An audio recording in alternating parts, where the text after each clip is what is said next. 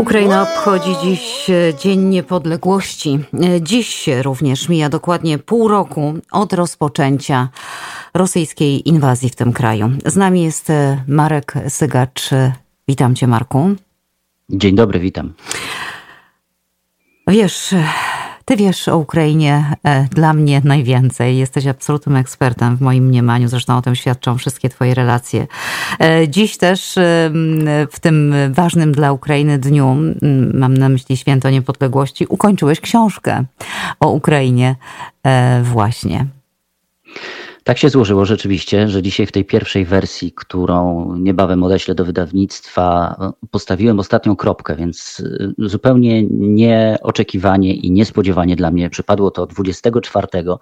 I tak, y, prawdę mówiąc, jak y, zamykałem dzisiaj ten, ten swój plik tekstowy, to zastanawiałem się nad tą e, datą 24 i tak sięgając troszeczkę w to, co napisałem i do mojej pamięci, no to zauważyłem, że 24 to w ogóle jest data dla Ukrainy e, bardzo ważna i taka symboliczna, bo e, no po pierwsze rzeczywiście 24 sierpnia, czyli data przyjęta za Dzień Niepodległości Ukrainy, poza tym 24 lutego no to był ten dzień, kiedy e, Rosja zaatakowała na pełną skalę Ukrainę, ale jeżeli sięgniemy dalej, to zwrócimy uwagę, że na przykład okolice 24 lutego to był ten także ten czas w 2014 roku, kiedy na Krymie po raz pierwszy pojawiły się informacje o tak zwanych zielonych ludzikach. E, poza tym dalej, sierpień 2014 roku, więc też okolice Dnia Niepodległości Ukraińskiego, to był z kolei moment, kiedy e, tak naprawdę na pełną skalę wojska regularne rosyjskie przekroczyły granicę z Ukrainą i weszły na Donbas. Potem doszło do takiego przełamania ukraińskiego frontu w okolicach Iłowajska. To był 2014 rok, więc e, no już troszkę lat minęło, ale ten 24 gdzieś cały czas krąży i rzeczywiście no jest to data symboliczna. Oczywiście dziś pół roku od tego momentu, kiedy Rosja uderzyła i e, no, pół roku to jest zdecydowanie za krótko, żeby podsumowywać wojnę, mówiąc o niej w takich kategoriach, kto wygrywa albo kto przegrywa. No niestety żyjemy w takim świecie, że tempo przekazywania informacji, tempo, do którego jesteśmy przyzwyczajeni, e, śledząc te na bieżąco zmiany wokół nas w naszym życiu, przyzwyczaiło nas do tego, że chcemy wiedzieć szybko, natychmiast i, e, i ostatecznie. Natomiast biorąc pod uwagę wojnę, niestety nie da się tego w ten sposób określić. No, po tych, ale trzeba tutaj brać pod uwagę, że oczywiście ta odsłona wojny, która zaczęła się 24 lutego, to jest tylko odsłona, etap najbardziej dramatyczny, najbardziej krwawy, ale etap tej wojny, która trwa w Ukrainie, no co najmniej od 2014 roku, jeżeli licząc te incydenty militarne. No ale te sześć miesięcy rzeczywiście skłania wszystkich do podsumowania, no bo nie mieliśmy do czynienia z taką agresją i z wojną na taką skalę od zakończenia II wojny światowej. No i to, co wysuwa się na pierwszy plan, e, oczywiście zanim e, rzucimy okiem na to, czy Rosji cokolwiek udało się w ciągu tych sześciu miesięcy, no to liczba ofiar, no bo e, niestety to jest to, co zawsze wskazuje na dramatyzm sytuacji wojennej, każdej wojny, każdego frontu, każdego konfliktu. Według ONZ w Ukrainie od tego 24 lutego zginęło ponad 5,5 tysiąca osób, cywilów, a prawie 9 tysięcy zostało rannych. Ale biorąc pod uwagę to, co się dzieje i patrząc na to także, co ja obserwowałem na miejscu w Ukrainie, no to są to dane mocno zaniżone i według e, ukraińskich informacji płynących e, od ukraińskich władz z Kijowa, e, no to tych ofiar może być rzeczywiście już prawie 30 tysięcy. Znaczna część, ponad połowa przypada na obwód doniecki i ługański, czyli tam, gdzie w tej chwili ta ofensywa rosyjska, choć troszeczkę przyhamowała, to jednak jest najbardziej dynamiczna i najbardziej krwawa. Nie można zapominać oczywiście o tych ofiarach militarnych, czyli o żołnierzach. E, według e, strony ukraińskiej, biorąc pod uwagę to, co dzieje się na froncie, mm, były takie informacje, że ginęło dziennie nawet od 100 do 200 ukraińskich żołnierzy. E, I w tej chwili już oficjalnie mówi się o tym, że podczas tej wojny około 10 tysięcy mundurowych, wojskowych ukraińskich straciło życie. Natomiast jeżeli chodzi o straty Rosjan, no to tutaj powołując się na to, co mówi choćby Pentagon, to do drugiego tygodnia sierpnia Rosja miała stracić od 70 do 80 tysięcy żołnierzy, ale to nie tylko żołnierze zabici, ale także ranni, zaginieni, ci, którzy zostali wyłączeni z walki. 80 tysięcy, no to jest sporo. Biorąc pod uwagę o tym, że mówiło się, że przed wojną wzdłuż granicy zgromadzonych było 140-150 tysięcy e, osób, żołnierzy gotowych do walki, więc e, patrząc na to, co mówi Pentagon, to straty są duże, ale ale Rosja cały czas e, trzyma się tego, że operacja e, jest prowadzona, ta operacja specjalna, bo nie nazwano tego do tej pory wojną, jest prowadzona zgodnie z planem. Minister Szojgu mówił na przykład, że to, że zwolniła na Donbasie wynika z tego, że Rosja wyjątkowo dba o to, żeby było mniej ofiar wśród ludności cywilnej, co jest oczywiście bzdurą, ponieważ nigdy w tym konflikcie Rosja nie liczyła się ze stratami ludności cywilnej, wręcz przeciwnie. To, co obserwowaliśmy od lutego świadczyło o tym, że jest to element walki, zastraszanie i mordowanie wręcz cywilów. Mm, to jest element tej wojny, która, który zupełnie na Rosji nie robi żadnego wrażenia i nie czuje się w żaden sposób odpowiedzialna za to, co się dzieje. E, jak przebiega ta, te, jak przebiegało te sześć miesięcy? Kto wygrywa, to już mówiliśmy. Ustaliliśmy, że to tak naprawdę nie da się w tym momencie określić, ale można powiedzieć z całą pewnością, że Rosji się nie udało cokolwiek było planowane przed 24 lutego, nie udało się. Nie udało się pod Kijowem, gdzie ofensywa załamała się i e, zostały stamtąd wyprowadzone i spod Kijowa, i spod Czernichowa, i z e, obwodu sumskiego zostały wycofane wojska rosyjskie, jak to wtedy Kreml tłumaczył, w geście dobrej woli, co oczywiście było bzdurą, bo tak naprawdę e, po prostu ci żołnierze nie mieli czym walczyć, nie mieli jak walczyć, nie wiedzieli i nie byli przygotowani do tego, co ich spotka w tamtej części Ukrainy.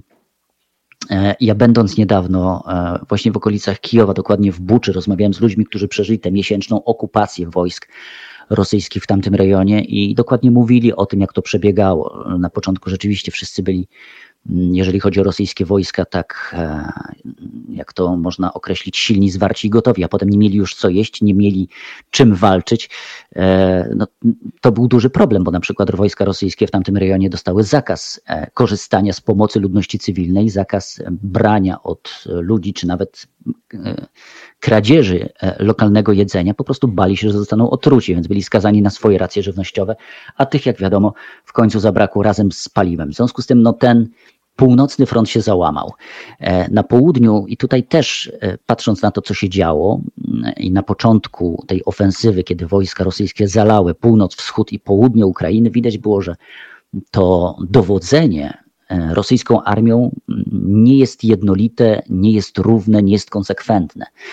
I to dowodzenie na północy znacznie gorsze od razu było widać w tym, jak przebiega ofensywa. Na południu było to troszeczkę lepiej strategicznie przeprowadzone i dzięki temu no niestety udało się zająć cały obwód hersoński, czyli ten obwód, który graniczy e, z obwodem odeskim. E, ale do Odessy dojść się nie udało, chociaż to też był jedno, jeden z głównych celów rosyjskiej ofensywy. Odessa, czyli to miasto symbol. Miasto symbol nie tylko dla Rosjan, ale też dla, dla Ukraińców. E, miasto rosyjskojęzyczne, miasto, w którym wydawało się jeszcze nawet przed 2014 rokiem, że te wpływy rosyjskie są i prorosyjskie dość silne. Okazało się, że jest inaczej.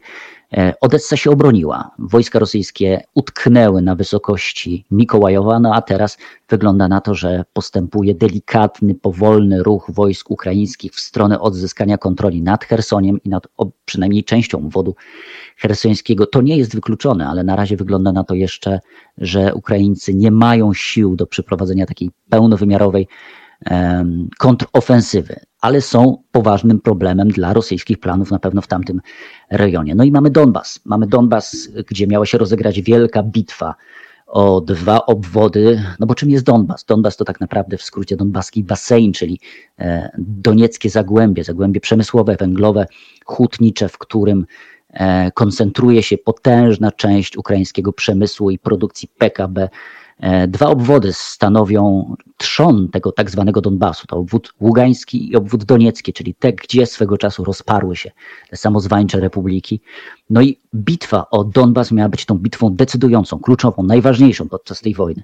No ale okazało się, że po pewnych e, sukcesach, które na początku miała armia rosyjska, wszystko utknęło.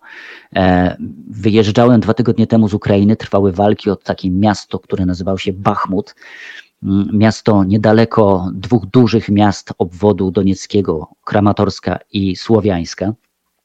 I wtedy wydawało się, że tak naprawdę kwestia jest kwestią kilku dni, aż Bachmut padnie i zostanie przejęty przez, e, przez Rosję, przez rosyjskie wojska. No ale do tej pory się to nie udało, więc świadczy to o tym, że po pierwsze Ukraina robi dobrą robotę blokując na tamtym odcinku wojska rosyjskie, no a po drugie pokazuje to, że niestety wojska rosyjskie tracą możliwości ofensywne tracą możliwości ofensywne w tamtym rejonie i wygląda na to, że nie uda ich się odzyskać tak szybko, jak Rosja e, życzyłaby sobie tego.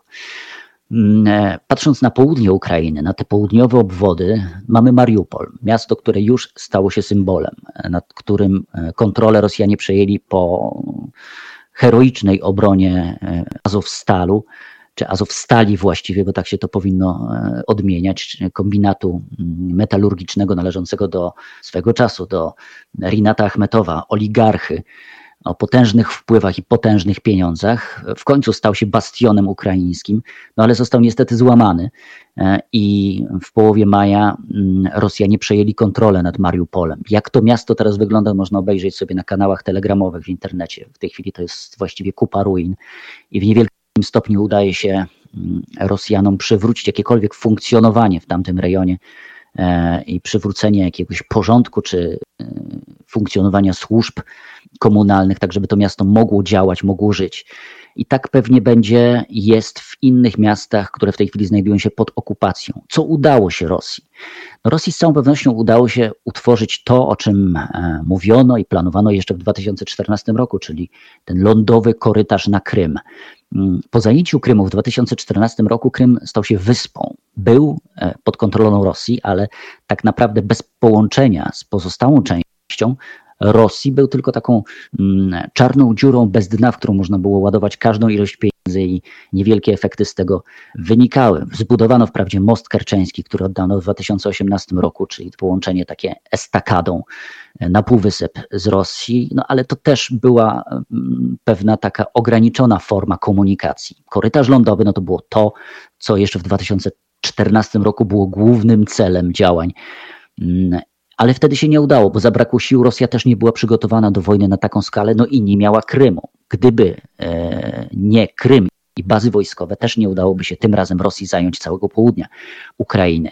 W 2014 roku nie udało się tego korytarza zbudować. Korytarz miał się składać z tych nadmorskich obwodów Ukrainy, mających trafić pod kontrolę rosyjską. Nie udało się wtedy. Niestety częściowo udało się teraz, choć to nie są całe obwody, ale duża ich część jest pod rosyjską kontrolą. No ale siłą rzeczy to cały czas są terytoria zajęte, e, ale bardzo niestabilne, no bo trzeba sobie zdawać sprawę z tego, że zająć to jedno, a utrzymać to całkiem co innego. W związku z tym ten korytarz tak naprawdę jest geograficzny, jest topograficzny, ale nie jest funkcjonalny, bo to jest tak naprawdę cały czas strefa wojny. E, I to jest największe w tym momencie osiągnięcie Rosji, i e, wszystko wskazuje na to, że niewiele więcej w ciągu najbliższych tygodni e, Rosja jest w stanie osiągnąć. Nawet taki amerykański think tank mm, Institute for Studies of War mówił o tym, że w tej chwili to jest kulminacja, jeżeli chodzi o zdolności Rosji ofensywy w okolicach Donbasu na wschodzie.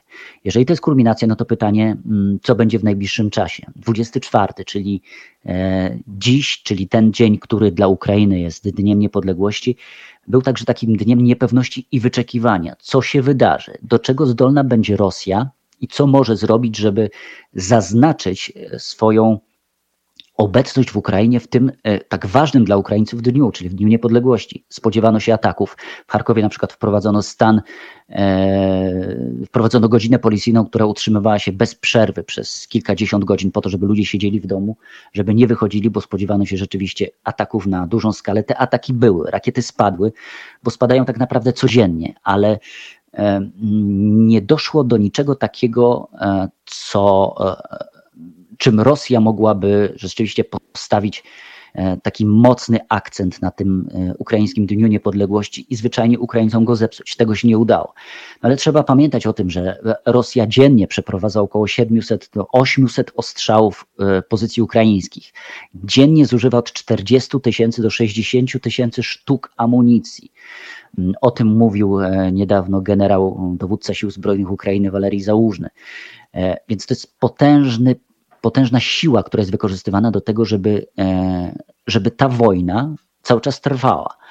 Mm, wszystko wskazuje na to, że najbliższe tygodnie to będzie rzeczywiście czas. Hmm, Trudno mówić, że to będzie jakiś krok do zamrożenia tego konfliktu, bo jego się nie da zamrozić. To nie jest 2015, 16 czy 17 rok, gdzie nie było woli mm, ani z jednej, ani z drugiej strony, e, żeby posuwać e, naprzód ten, te linie Starego Frontu. Tym razem Ukraińcy są bardzo zdeterminowani, żeby odbijać swoje tymczasowo okupowane terytoria. Mm, pytanie, na ile tej determinacji wystarczy i na ile pomoże w tej determinacji ten ostatni pakiet, chociażby pomocowy ogłoszony przez Waszyngton. Wiadomo, że te 3 miliardy dolarów na broń, na wsparcie dla Ukrainy, no to jest, mm, to jest na razie taki potencjał, który ma być zamieniony na te, e, na te militarne, e, na te militarne wsparcie dla Kijowa, kiedy ono fizycznie dotrze na miejsce, trudno powiedzieć, ale Mm, nawet Ukraińcy mówią o tym, że ta broń, która w tej chwili została dostarczona na ich terytoria, to jest broń, która wystarczy do tego, żeby nie przegrywać tej wojny, ale na razie troszeczkę za mało tego jest, żeby wojnę zacząć wygrywać. Mm. Marku, Dziękuję Ci za to obszerne podsumowanie. I tak jak powiedziałeś, no, pół roku to, to też nie jest taki czas, żeby jakichś takich ostatecznych podsumowań, tym bardziej, że ta wojna jest w mom miejscu, momencie, jakim jest. Ja chciałabym Cię jeszcze tylko na koniec zapytać, powiedziałeś o, o stratach, zyskach po jednej i po drugiej stronie. Dziś prezydent Załęski w takim orędziu do narodu z okazji Święta Niepodległości powiedział, Ukraińcy podniosą ręce tylko raz, kiedy będziemy świętować nasze zwycięstwo w całej Ukrainie, bo nie handlujemy naszą ziemią i naszym narodem. Jak w Twojej opinii, powiedz mi, wygląda to? Czy jest możliwe, że taki zwrot akcji, czy taka sytuacja, że Ukraińcy odzyskają wszystko, e, co mieli przed 24 lutego pół roku temu? To będzie bardzo trudne. E, ja wierzę w to, e, że uda się tym razem, bo jeżeli nie teraz, to już nigdy odzyskać Krym i odzyskać terytoria pod tak zwanymi republikami aż do granicy z Rosją, ale moja wiara i nie tylko moja wiara to troszeczkę za mało. Eksperci mówią o tym, że w zasadzie mm, Krym jest stracony jego nie uda się odzyskać, chociaż ostatnio na przykład prezydent Turcji Tayyip Recep Erdoğan mówił o tym, że Krym do, do Ukrainy wrócić powinien. Natomiast jego słowa trzeba traktować z dużym dystansem, ponieważ jest to polityk, który jest typowym koniunkturalistą i e, w zależności od tego, e, jaki interes i co mu się opłaca, w taką stronę prowadzi i swoją politykę, i swoje komentarze, więc do tego bym się specjalnie nie przywiązywał. Natomiast, no, tak jak powiedziałem, jeżeli teraz Ukraina nie odzyska Krymu, to nie będzie miała już takiej drugiej szansy. Ale żeby odzyskać Krym, to trzeba jeszcze bardziej osłabić Rosję. A Rosja wciąż jest silna. Jest silna nie tylko militarnie, ale jest także e, silna politycznie, póki co. Więc jeżeli się nie otworzy ten e, drugi, a może kolejny front po drugiej stronie granicy, w Moskwie, w okolicach czy w sąsiedztwie tego, tego środowiska Władimira, Władimira Putina, to, no to będzie to trudne ale wydaje mi się, że na tym etapie e, nie można tego absolutnie wykluczyć, że to będzie możliwe. Może nie za rok, bo, e, bo wydaje mi się, że ta wojna potrwa dużo dłużej. Chociaż Zełański zapowiedział, że za rok będzie świętowanie w niepodległej Ukrainie. No, ale nie sprecyzował, w jakich granicach tej niepodległej Ukrainy będziemy świętować za rok. No tak. Czas pokaże, Marku. Bardzo Ci dziękuję. Raz jeszcze. E, kiedy książka do czytania będzie dostępna? No, e, mam taką, mam taką nadzieję, jeżeli wszystko się uda, jeżeli wydawnictwo no, przyjmie to, co ja im mam do zaproponowania, bez żadnych większych przeróbek i bez zgrzytania zębami, no to mam nadzieję, że uda się jeszcze przed końcem roku te tę książkę wydać, e, a wydaje mi się, że, że będzie to o tyle ważne, że nie będzie opisywała tylko tego, co dzieje się w tej chwili, teraz i tu. E, mówi tutaj o Ukrainie i o tej inwazji, ale także będzie troszeczkę wpisywała to wszystko w szerszy kontekst wszystkiego, co wydarzyło się w Ukrainie od 2014 roku, a to naprawdę jest ciąg wydarzeń, taki łańcuch przyczynowo-skutkowy, który się ze sobą wiąże i wydaje mi się, że warto sobie te rzeczy przypomnieć. Mm -hmm. Nie, zdecydowanie. Ja, to ja, ja, ja czekam. Słuchaj, czyli prezent pod choinkę. E, trzymam za to kciuki, aby tak to właśnie się wydarzyło. E, dziękuję Marku raz jeszcze. Bardzo dziękuję. Do usłyszenia. Do usłyszenia. Marek Sygacz podsumowywał, o ile można to zrobić, sześć miesięcy wojny w Ukrainie. Marek skończył dziś książkę o Ukrainie.